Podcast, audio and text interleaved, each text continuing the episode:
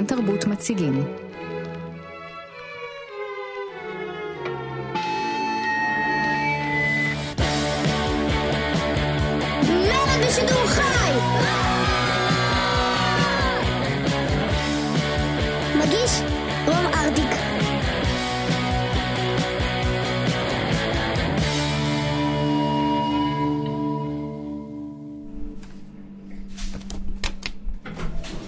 הבאים לקומת האולפנים של תאגיד השידור הישראלי.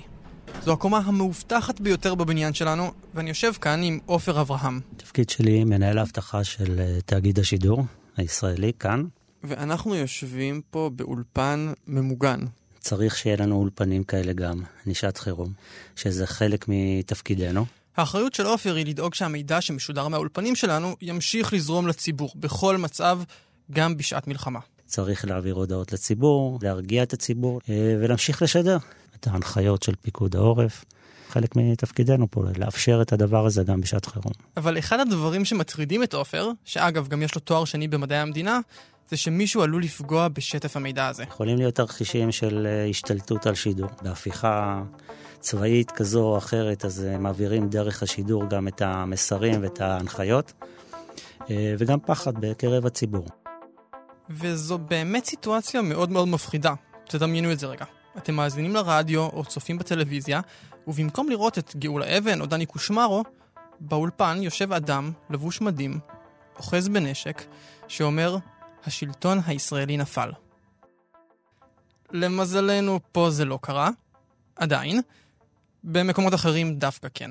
צריך להגיד שבשנים האחרונות ראינו לא מעט uh, מקרים כאלה. זה רנסי קורל, הוא עורך חדשות החוץ של רשת ב'. אולי המקרה האחרון uh, הוא דווקא מדרום אפריקה, זימבבואה, הנשיא רוברט uh, מוגאבה, ששלט uh, עשרות שנים, והוא uh, יום אחד מודח בהפיכה צבאית. Wish to assure the nation that His Excellency the President of the Republic of Zimbabwe and Commander in chief of the Zimbabwe Defense Forces, אנשי הצבא מתייצבים מול המצלמות בטלוויזיה הממלכתית ומודיעים שהם משעים את נשיאותו, ובסופו של דבר אה, הוא מודח כעבור אה, כמה ימים. כשדבר כזה קורה זה כמובן נורא מפחיד, אבל גם צריך להודות. הרגעים האלה, שמשהו נסדק במציאות שלנו, ורואים את זה בטלוויזיה, אלה הרגעים שבהם אנחנו דבוקים למסך. נתחיל בזה שהטלוויזיה הבטיחה בהתחלה שידור חי, והייתה רק שידור חי.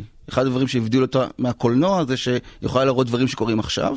זה איתי חרלפ, הוא חוקר טלוויזיה ממכללת ספיר. Yes, sir. If you want real entertainment, the best place to find it is in front of a General Electric black daylight big as life television set that lets you see everything that the camera sees, true to life and as big as life.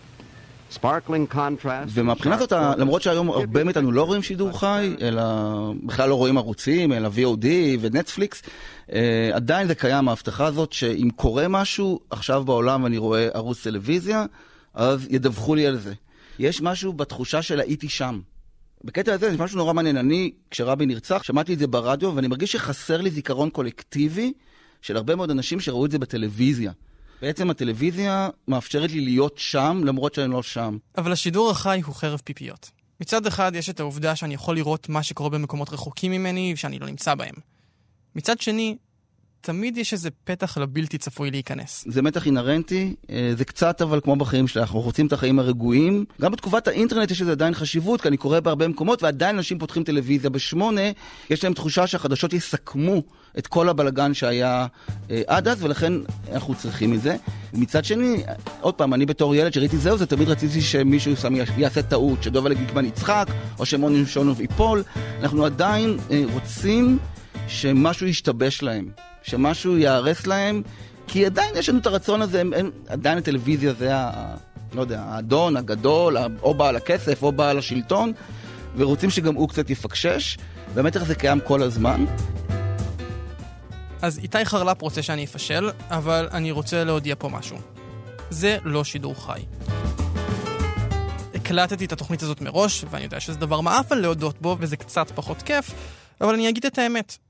יכולות גם פה לקרות פאשלות. סיימתי להקליט ולערוך את התוכנית יחסית לא מזמן, כמה שעות לפני השידור, ולגמרי יכולות להיות טעויות בעובדות או בעריכה. דברים כאלה קורים. וסביר להניח שאני, בגרסת ההווה, מאזין ממש עכשיו לתוכנית הזאת בחרדה שמשהו ישתבש. למזלי, אני לא חושב שיש מי שמנסה לחבל לי בשידור, אולי חוץ מאיתי חרלפ, אבל יש מקרים שזה כן קורה. ועל המקרים האלה אנחנו נדבר היום, על הרגעים שהבלתי צפוי קורה. שמישהו סודק את אשליית השליטה של הטלוויזיה או הרדיו, אבל עושה את זה בכוונה. משתלט או מתפרץ לשידור החי, במטרה לשנות משהו מהותי בנו, באיך שאנחנו חושבים ובאיך שאנחנו חיים. בואו נתחיל.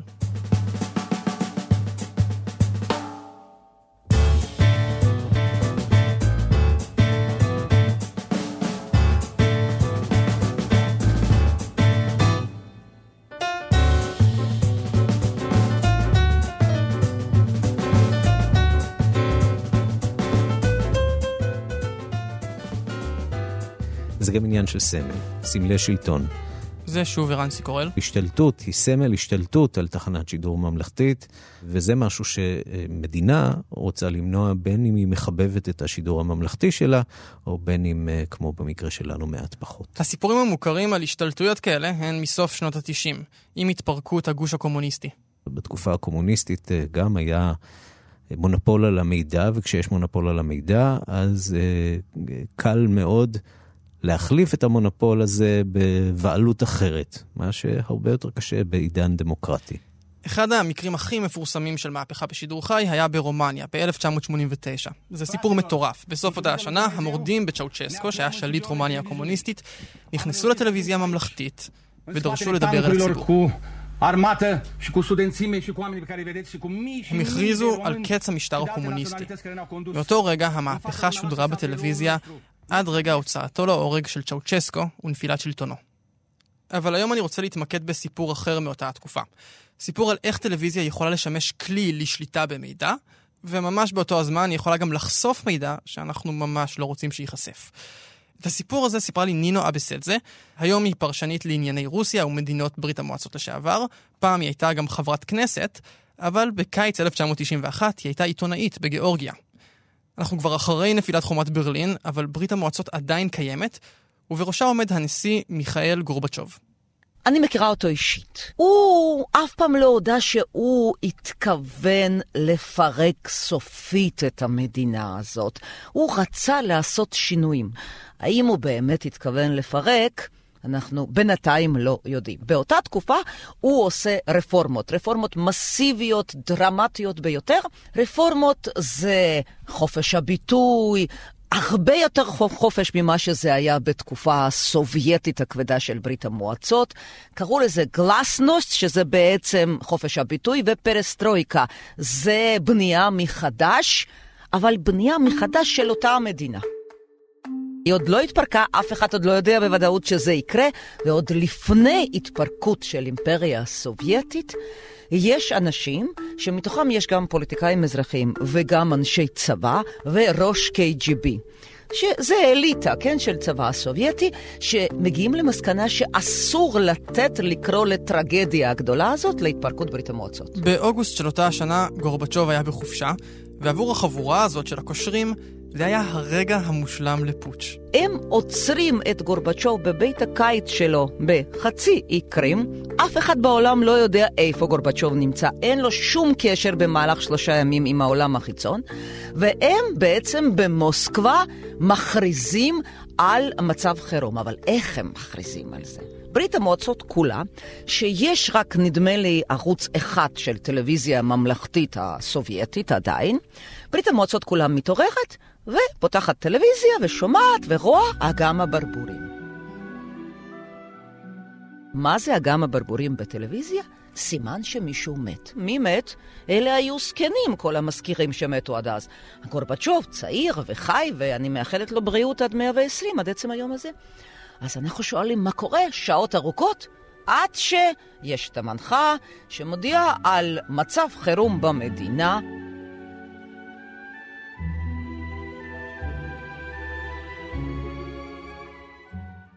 אחרי אגם הברבורים אנחנו רואים שביעייה או שמינייה של פוליטיקאים ואנשי צבא, שהם מופיעים, הם אגב לא הסתתרו מול ברית המועצות כולה בערוץ הממלכתי היחידי, ואומרים שמכיוון שגורבצ'וב, בגלל מצבו הבריאותי, לא ממש יכול להמשיך לתפקד כנשיא ברית המועצות, הם עכשיו מכריזים על מצב חירום, ויהיה איזו הנהגה זמנית, הם אומרים לא במילים ישירות, אבל הם די רומזים שאנחנו לא רוצים לתת לטרגדיה העצומה הזאת, להתפרקות ברית המועצות, לקרוא, ועל כל זה הם מדברים שעות ארוכות בשידור חי. אבל המילים שלהם אמרו דבר אחד, והגוף שלהם, שגם אותו רואים בטלוויזיה, אמר דבר אחר לגמרי. ואני חייבת לומר שמה שכל ברית המועצות, מי שחי אז זוכר, ואני בוודאי כעיתונאית, זה אפילו לא טקסטים, כי המשמעות הייתה ברורה, ברורה כבר בעשר דקות הראשונות. הכל טוב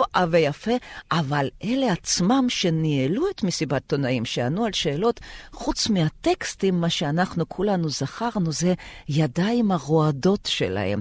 אז בגלל שידיים רעדו, מיקרופונים בוודאי, ואז בברית המועצות לא היו כאלה משוכללים, הם כל הזמן נתנו מכות למיקרופונים, אז ליד המילים שפוצ'יסטים דיברו, אנחנו שמענו את הרעש, דפיקות ממש ארוכות למיקרופון, וגם זה מה שנשאר בהיסטוריה של הפיכה הלא מוצלחת. זה אחד הזיכרונות הכי חזקים של כל מי שצפה באותה מסיבת עיתונאים. הידיים הרועדות של ינאייב, מנהיג ההפיכה. היו שטענו שהוא בכלל נראה שיכור. ואנשים מיד הבינו שמשהו פה מסריח. הם ידעו שלא יכול להיות שגורבצ'וב, שעד לפני רגע היה בריא לגמרי, פתאום לא מתפקד. המורדים ניסו לשלוט במידע דרך הטלוויזיה, אבל דווקא היא הכשילה אותם. מי שיצא נשכר מכל הסיפור הזה הוא בוריס ילצין, שיצא נגד המורדים, כל העולם צפה בו בטלוויזיה, ובן לילה הוא הפך לדמות בינלאומית. בעצם העולם המודרני הכיר את נשיא רוסיה בעתיד. התמונות הראשונות זה התמונות שלו על הטנק. במוסקבה, שהוא עומד שם בין הקהל ואומר, אנחנו לא ניתן ליפול להתחלה של הדמוקרטיה הרוסית. הפוטש הכושל הזה היה תחילת הסוף. מיד אחריו פורק הקג"ב, ועד סוף 91 ברית המועצות התפרקה גם היא. תם העידן הקומוניסטי.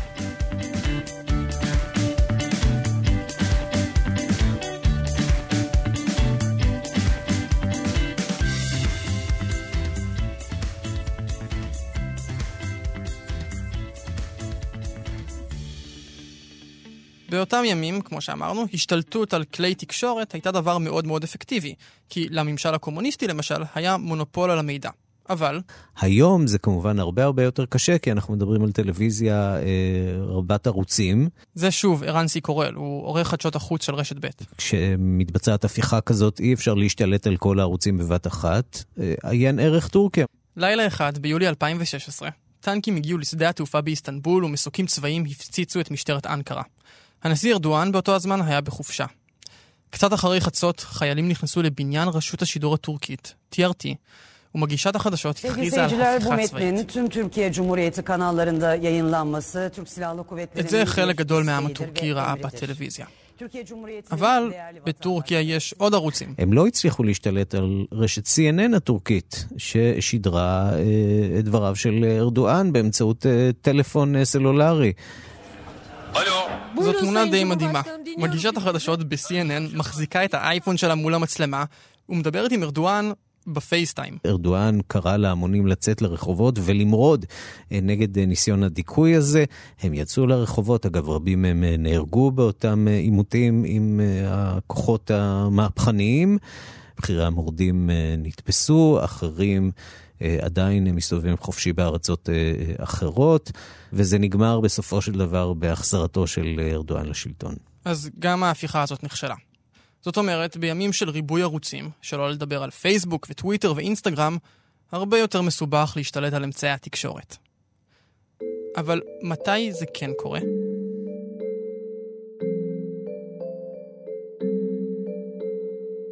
Interrupt you right now. Sorry. Richard Hack, thank you very much. We appreciate the book is called Hughes. We want to go live right now and show you a picture of the World Trade Center where I understand. Do we have it? No, we do not. זה לא רק אובדן שליטה של השלטון, זה אובדן שליטה של השידור. זה שוב איתי חרל"פ ממכללת ספיר, וכמו שאמרנו, הוא חוקר טלוויזיה. אסון התאומים לא נחקר רק בחוגים למזרח תיכון ויחסים בינלאומיים, אלא גם בחוג לקולנוע וטלוויזיה. הוא נחשב היום לאירוע טלוויזיוני מכונן. ועבור הרבה מאוד אנשים הטלוויזיה מסמנת את הדבר היציב, החדשות מסמנות את הדבר היציב שמסביר מה קורה שהעולם בכאוס. ופתאום החדשות בעצמם, אני נגיד זוכר ש... שהמטוס השני אה, אה, פוגע בעניין השני בתאומים, השדרנים לא הבינו בהתחלה מה קורה. ואתה רואה מאחור המטוס נתקע, והם עצמם לא, לא כל כך ברור להם מה הם רואים. והתחושה הזאת שאין אף אחד שיודע מה קורה, ו, אה, ומהבחינה הזאת זה היה תכנון גאוני. זה די מדהים לראות היום ביוטיוב את שידורי הטלוויזיה ב-11 בספטמבר 2001. השדרנים פשוט לא יודעים לאכול את זה. כשהמטוס השני נכנס בבניין, הם עדיין שואלים את עצמם אם מדובר בתאונה. משהו בביטחון הזה שמשדרים אנשי החדשות נפגע.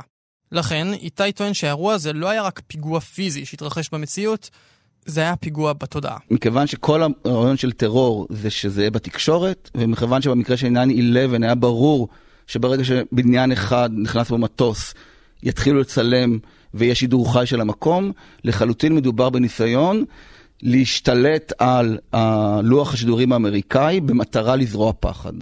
זאת המטרה. נגיד והטלוויזיה לא הייתה מתגייסת לצלם את, אה, את התאומים, או לא הייתה מצלמת כל פעילות טרור, אולי משהו בפעולת הטרור היה נפגע. כי אם אף אחד לא רואה, אף אחד לא מפחד. אם אף אחד לא מפחד, הטרור לא עשה את שלו. אבל אז הטלוויזיה פוגעת בתפקיד שלה, כי תפקיד הטלוויזיה זה לדווח לנו דברים שאנחנו לא רואים, ואין ספק שפיגוע בתאומים זה חתיכת דיווח שצריך לדווח. ומבחינה הזאת הטלוויזיה נמצאת פה בדילמה. בגלל זה איתי טוען שאסון התאומים היה אירוע טלוויזיוני חוצה ערוצים בבימוי אוסמה בן לאדן.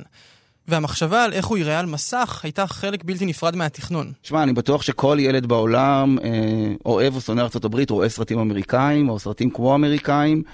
ויכול להיות שבאמת, אה, אני יכול לחשוב על פעולות שיהרגו יותר אנשים מאשר התרסקות של מטוס במניין. מחשבה ויזואלית הייתה שם. לחלוטין, הרי המטרה שלהם הייתה לפגוע נגיד גם בפסל החירות, פסל החירות, כמה אנשים הם היו הורגים שם, אבל תחשוב מה זה עבור ארה"ב, בכל סרטי האפוקליפסה אה, רואים פסל החירות נחרב, או...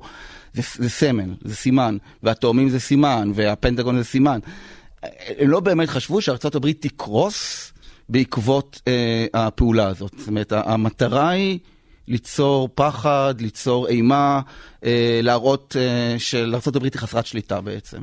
ארצות הברית לא נפלה כמובן, אבל הטרוריסטים הצליחו לייצר שבר עמוק בתודעה הציבורית. דרך אגב, מחקרים שמראים על אנשים שחוו טראומה בצפייה בטלוויזיה ב-9-11, ולכן אני אומר, אה, מהבחינה הזאת טלוויזיה יכולה לעורר, לעורר בנו רגשות אה, לא כמו, אבל מאוד קרובים לה, להיות שם.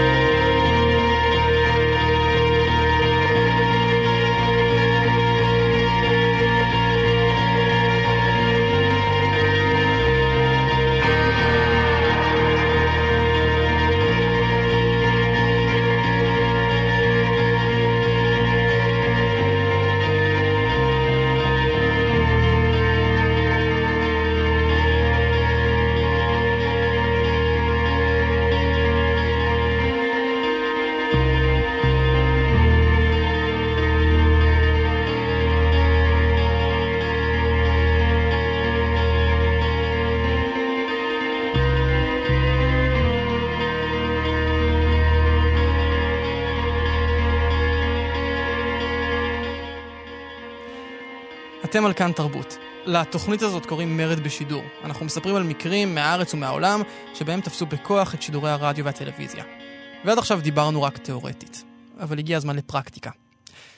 השבוע פגשתי מישהי שהסבירה לי איך פורצים לשידור. אבתיסאם מראענה, מינוחין, אה, במאית, מפיקת קולנוע וטלוויזיה. בשנת 2009 אבתיסאם הייתה חלק ממה שנקרא מאבק היוצרים.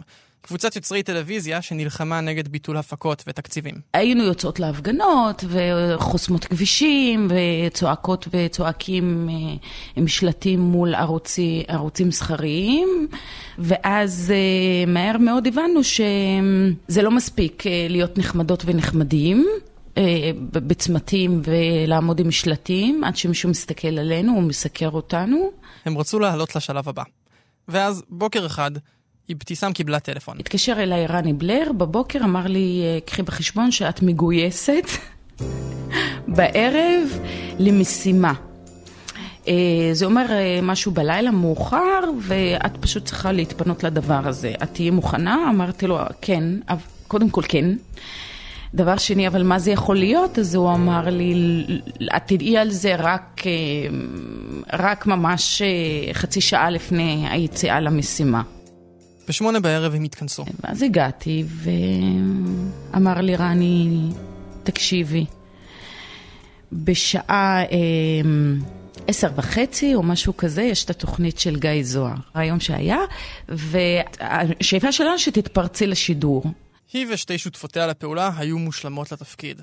בניגוד לבמאים ושחקנים אחרים שהיו חלק מהמאבק, הפרצוף של אבתיסאם לא היה ממש מוכר. היא הייתה יכולה להיכנס לבניין בלי למשוך את תשומת הלב של כולם.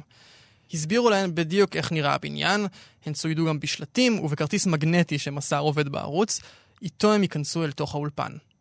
בשעה עשר הן יצאו לדרך. זה היה בבית אברת, בגבעתיים, הסיעו אותנו לשם. נכנסתי בשער של ה... אה, בכניסה של הערוץ. היא ושותפותיה עמדו בלובי מול השומר. לא נתתי לפחד להשתלט, כי ברגע ש... אני מכירה את זה משדות התעופה. אני מפחדת מהמעמד הזה מול הבטחה, הרי מה זה זה? זה הבטחה, זה אותם אנשים שיסתכלו עליי ויזהו אותי כמישהו חשוד. התהליך הזה של ההתפרצות זה לא היה, לא רציתי לפחד, רציתי לבוא עם, עם פאסון שאני אני לא חשודה מיידית. אה, והדבר הראשון שאמרתי, אני חייבת להראות שאני אה, עובדת במערכת, בטלוויזיה, ואני חייבת להראות פאסון של בחורה מאוד לחוצה. כאילו אני תחקירנית, לא ישנתי כל היום, כל הלילה, אני תשושה, ואם פונה אליי שומר, אני, אני גם לא כל כך אתייחס אליו, אני אגיד לו שאני פשוט עייפה תשושה, כל היום אני עובדת על תחקיר, ושום דבר לא עובד, וכאילו שחרר אותי באמא שלך. אבל היא חששה שזה לא יספיק. כאילו צריכה לעטוף את הדמות הזאת. ואז ראיתי קרטון של פיצה, ריק, בלובי, ואמרתי, וואי, זה מצוין. תחקירנית עייפה ותשושה, ועם קרטון של פיצה שרוצה לאכול על המחשב, זה יופי. וזה מה שהיה, פשוט לקחתי את הקרטון, קרטון היה ריק, ואמרתי להם, יאללה, אחריי. והשומר פתח. הן עלו במעלית, הן הגיעו לקומה השביעית, והדלת הייתה סגורה. הן הוציאו את הכרטיס המגנטי שמסרו להן קודם. והכרטיס לא עבד. ואז אני זוכרת, אני חושבת שהגיע משם איזה מישהו שראה אותנו שם, והוא פשוט פתח את הדלת, פתח כי חשב שעישנו או הלכנו לאיבוד או משהו בסגנון, אז ראה שזה, והוא פשוט פתח את הזה והלכנו, נכנסנו פנימה. ואז הסתכלתי, חיפשתי איפה יכול להיות אולפן בשידור חי עם הכיתוב הזה, עם המנורה הזאת, on air. וראיתי שזה אדום. ואז הבנתי שזה, שזה הסיפור, והסתכלתי על התוכנית עד שחזרו מהפרסומות, ראיתי את גיא זוהר חוזר מהפרסומות, סימנתי את הדלת, באותו שנייה לא ראיתי ממטר, עפתי, פתחתי את הדלת, זה שתי דלתות בדרך כלל. הדלת הראשונה, הדלת השנייה, נכנסתי, גיא זוהר יושב מברבר שם, מדבר. אם יש לכם סובארו, תקשרו אותה לעמוד. בנתונים של המשטרה זה נקרא... גיא! אוי ואבוי. לא באתם אלינו לתאר את מה שקורה, יצירה מקורית. אה, אם אפשר לקרוא... כן. באתי לכם. אה, פשוט נחתתי עליו כמו איזה נשר. באמצע שידור? מה לעשות? נעים אז אם. אפשר, אם. אפשר, לא, אנחנו ממש לא. נכבד. לא נעים בכלל. לא- לא אם אפשר רק להוציא אותם. בבקשה. ואז הוא הסתכל, הוא היה מבוהל, הוא לא הבין מה זה העטלף הזה שנוחת עליו באמצע שידור חשוך. הוא היה בהלם טוטאלי, הייתה מבוכה מטורפת. גיא זוהר עצמו זוכר היטב את השידור. אחרי, אה, נגיד, הבהלה הראשונית, אה, פשוט אה, כל מה שעניין אותי זה ל- לנסות לתווך את האירוע הזה לצופה בבית. לא היה לי ברור מה, מה בדיוק הם רוצים. אה, גם הם לא היו ממש מנוסחים, וגם הם, כמובן שאף לא, אחד לא שמע אותם, כי לא היה להם מיקרופונים, והם לא עמדו מול המצלמה הנכונה, וכן הלאה. אפשר רק להוציא. תודה רבה. אתם מפריעים לנו בשידור? כאילו המישן שלי היה להיכנס ולחתוך את השידור. אבל לא כל כך תכננתי, כשזה יקרה, מה יקרה אחרי שאני מתפרצת לשידור. כאילו להגיד איזה חמש משפטים מעולים שיכולים לעבור כאילו בשקט. אה, ושאנשים יבינו על מה המאבק. אז מרוב שזה קרה נורא מהר ו... ובלחץ מטורף, אז מצאתי את עצמי משרבטת שם, מברברת איזה שלוש משפטים, בקושי מבינים מה אני רוצה להגיד. אבל אה, כנראה זה לא חשוב כל כך מה להגיד, כמו מה שחשוב זה האקט עצמו. תוך כמה רגעים גיא חזר לעצמו והסביר לצופים בדיוק מה קרה. הדבר שהיה הכי חשוב לו זה לא לעצור את השידור. הסבר קצר, זה מקדים את הסיפור שרצינו לספר בהמשך. רק אם אפשר להוציא החוצה ולשמור על שקט. אם אפשר רק להסביר, אה, ארגוני היוצרים בטלוויזיה אה, מתלוננים כנגד הערוצים המסחריים. שהם לא צעקתי על הכוחניות. אה, חשבתי שהם עשו משהו מאוד פופוליסטי, מאוד קל, אה, שלא עושים, לא נכנסים לשידור. יש משהו קדוש בעניין הזה שנקרא שידור, בדבר הזה שנקרא יצירה, שלא מפריעים לו. וחשבתי שהם עשו טעות. גם היום אני חושב את זה. אבתיסאם הייתה מרוצה. אני חושבת שיגררו אותנו החוצה ואנחנו ברחנו, חיכו לנו בחוץ עם אוטו, הגענו ל...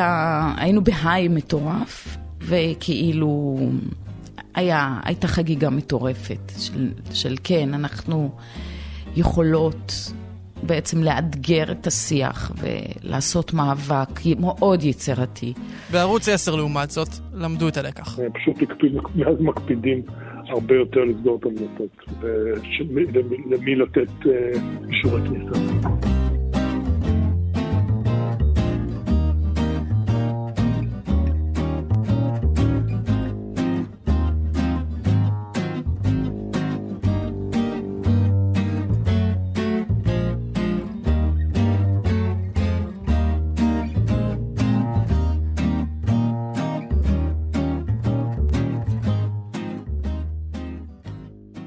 עבור שדרני חדשות, אירועים מהסוג הזה הם אחד הדברים הכי גרועים שיכולים לקרות. חדשות בדרך כלל זה דבר מרגיע.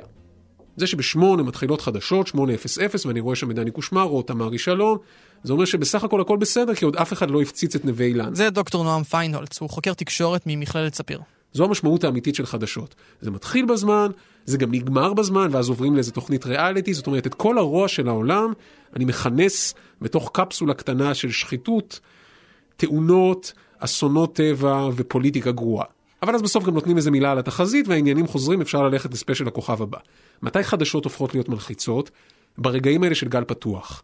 ברגעים של פריצה לשידור. אנחנו נאלצים לקטוע את השידור ולעבור לחדר החדשות למבזק מיוחד. זה מה שאורסון ווילס עשה. הסיפור של אורסון ווילס ומלחמת העולמות הוא מאוד מאוד ידוע. זה קרה ב-1938. אורסון ווילס במתיחה רדיופונית משוגעת, משכנע אלפי מאזינים שבזה הרגע חייזרים נוחתים בגרוברס מילס, ניו ג'רזי, ומתחילים לתקוף את כל התושבים של האזור.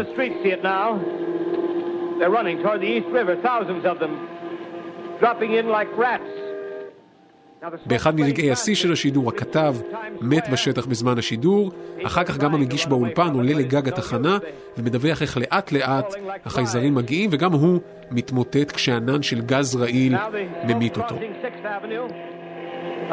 Uh, a hundred yards away. It's. It's 50 feet. You are listening to a CBS presentation of Orson Welles and the Mercury Theater on the Air in an original dramatization of The War of the Worlds by H.G. Wells. אנשים האזינו לשידור הזה, כנראה חשבו שבאמת מגיעים חייזרים, אנשים מתקשרים למשטרה ומדווחים על זה שהם רואים דברים משונים, אנשים בורחים מהבית, אבל בגלל שזה שנות ה-30, אין להם טרנזיסטור, הם לא יכולים לקחת את השידור יחד איתם, הם רצים ברחובות עם מסכות על הפנים ובטוחים שהם הולכים למות. זה הסיפור המקורי, שבו אף אחד לא מת, והיו אנשים שהתעצבנו, אבל בסדר, אורסון ויילס עצבן כמה אנשים והפך לכוכב, לילד הרע של התקשורת. הסיפור הפחות מוכר התרחש עשור לאחר מכן, בקיטו, בירת אקוודור. גם הם הפיקו גרסה למלחמת העולמות, אבל מהשידור הזה, באקוודור, אין לנו שום הקלטות ושום עדויות. תכף תבינו למה. הנה פיינולס עם הסיפור. הסיפור הפחות מוכר מתרחש 11 שנה אחר כך. 12 בפברואר 1949, קיטו, בירת אקוודור, ומישהו שם, איזה מנהל, ספק מטורף, ספק מטומטם, ברדיו קיטו, מחליט לשחזר את העניין הזה. זה שוב ליל כל הקדושים, והוא שוב מייצר תרמית רדיופונית של נחיתת חייזרים. זה כמובן קורה באזור, הפעם הם לא נוחתים כמו בסיפור של אורסון וילס בניו ג'רזי, אלא נוחתים איפשהו בשדה ליד קיטו. אנשים מאזינים לדבר הזה, ושוב, זה עובד. אנשים מאמינים, יוצאים לרחובות בפאניקה, אנשים מבוהלים, בטוחים שהם הולכים למות. בהקשר של קיטו, כמה ימים לפני זה, העיתון המקומי, בשיתוף פעולה יחד עם תחנת הרדיו, התחיל לפרסם ידיעות פיקטיביות על התרחשויות על כוכב מאדים, ככה שהם כבר בנו את הבסיס לזה, וזה עובד. בתום השעה הזו אנשים כועסים, מבוהלים ועצבניים. בסוף השידור כמובן שהמגישים אומרים זו הייתה מתיחה לליל כל הקדושים, הם מבינים שהדרמה בחוץ גדולה ולכן הם מתנצלים עליה, אבל זה לא עובד. התושבים הזועמים לוקחים את הפאניקה והחרדה והופכים אותה לזעם שמופנה ישירות כלפי תחנת הרדיו. הם מגיעים לתחנת הרדיו, מתחילים לזרוק אבנים על הבניין, מישהו כנראה זורק בקבוק תבערה או איזשהו לפיד, אנחנו לא יודעים בדיוק מה קרה שם, אבל התחנה מתחילה לעלות באש. ובזה הרגע אחרי השידור, מי שמורד בעצם בכל מה שקרה שם זה המאזינים. הם לא מוכנים לקבל את זה שעבדו עליהם, הם פשוט צובעים על התחנה מבחוץ, סוגרים את הדלתות, התחנה עולה באש, והשדרנים כלואים שם בפנים. באופן טבעי מה שהשדרנים עושים זה להרים טלפון למשטרה ולמכבי האש. אבל המשטרה ומכבי האש האזינו לשידור, והאמינו לשידור, ולכן הם שלחו את כל הכוחות שלהם לשדה המרוחק הזה, איפה שכביכול נחתו החייזרים, עד שהם עושים U-turn ומגיעים בחזרה לתחנת הרדיו, זה כבר קצת מאוחר מדי. בסופו של דבר הדיווחים סותרים, אבל יש ככל הנראה שישה הרוגים באותו אירוע, שההמון הזוהם, המאזינים, שפשוט לא יכלו לקבל את המתיחה הרדיופונית הזו, פשוט גרמו למותם. יש סיפורים על אנשים שקופצים שם מהגגות, אדם שכמעט נשרף באולפן, מנסה לקפוץ מתוך המרפסת הבוערת ואומר להמון הזוהם, תתפסו אותי, תצילו אותי. אבל הם לא תופסים אותו, והוא נוחת על הרצפה ונפצע עוד יותר קשה. יש שם באמת קו אדום שהקהל משרטט לאנשי הרדיו. זה ליל כל הקדושים, וזה מתיחה רדיופונית, וזה אולי מחווה לקלאסיקה של אורסון ויילס, אבל עד כאן. אין ממש הסבר לאיך המצב יידרדר ככה. למה באקוודור זה קרה ובארצות הברית לא. אבל משהו במתיחה הזו, בזיוף של הגל הפתוח, הפריע למאזינים ברמה העמוקה ביותר. שני המשדרים האלה מתחילים בכלל כשידור של איזה קונצרט, ואז מורידים את השיר ופורצים לחדר החדשות, והרגע הזה של הפריצה, באופן מיידי הוא רגע של חרדה של המאזינים, זו ההפרעה הזו. עכשיו מצד אחד זה הכוח של השידור החי, זה הקסם של השידור החי, הפוטנציאל של התקלה, הפוטנציאל של המוות, אלה הדברים הכי מרגשים שיכולים לקרות בשידור חי. מצד שני, אלה הרגעים של האימה. כי טלוויזיה היא דבר מנחם. יש אנשים שפותחים טלוויזיה בבוקר לראות שהעולם קיים. יש אנשים שישנים עם טלוויזיה בלילה כדי שיהיה מישהו שישמור עליהם. הטלוויזיה שם גם כשאנחנו לא צופים בה. אוקיי? היא שם כל הזמן מנחמת. הרגע הזה שפתאום הכל משתנה ויש תקלה ופורצים לשידור ולוח השידורים משתנה ואפילו, מי ישמע, מפסיקים פרסומות, זה הרגע שבו באמת יש דרמה אמיתית, והדרמה הזו משפיעה על המאזינים ומלחיצה אותם על אמת. שידור חי הוא הפוטנציאל של המוות. זו נשמעת אמירה מאוד דרמטית, הרי שידור חי הוא דבר די רגיל בחיים שלנו, אבל האמת היא שאת הדימוי הזה אנחנו מכירים די טוב. הקולנוע אוהב להציג מוות בשידור חי. אנחנו מכירים את זה מסרטים יחסית חדשים, כמו משחקי הרעב, או מקלאסיקות, כמו הסרט רשת שידור של סידני לומד, שבו שדרן החדשות נרצח. Network news anchorman on the UBS network news show, known to millions as the mad prophet of the airwaves, was shot to death tonight in a fusillade of... אני חושב שהקולנוע מאוים מהשידור החי. יש המון סרטים שמה שקורה בהם הוא שבעצם רואים ששידור חי משול למוות. תוכניות ריאליטי שההדחה היא בעצם רצח, סרטים כמו נטוורק שבעצם רוצחים אותו בשידור חי וכל הרייטינג עולה כשהוא מאיים להתאבד בשידור. יש קשר בין שידור חי ומוות. הקולנוע לא בז לזה, הקולנוע קצת מקנא. אם יש דבר שקולנוע לא יכול לעשות, זה שידור חי. הוא יכול לעשות דברים מורכבים, הוא יכול לרגש, הוא יכול להצחיק, אבל זה הפורטה, זה היתרון המובנה של הטלוויזיה. ואז מה שהקולנוע עושה, הוא אומר, אני לוקח את היתרון הטכנולוגי הזה, אבל מציג אותו כחיסרון מוסרי. שידור חי אחלה, אבל בעצם זה אומר שהמדיום הטלוויזיוני הוא רצחני ולא מוסרי מטבעו.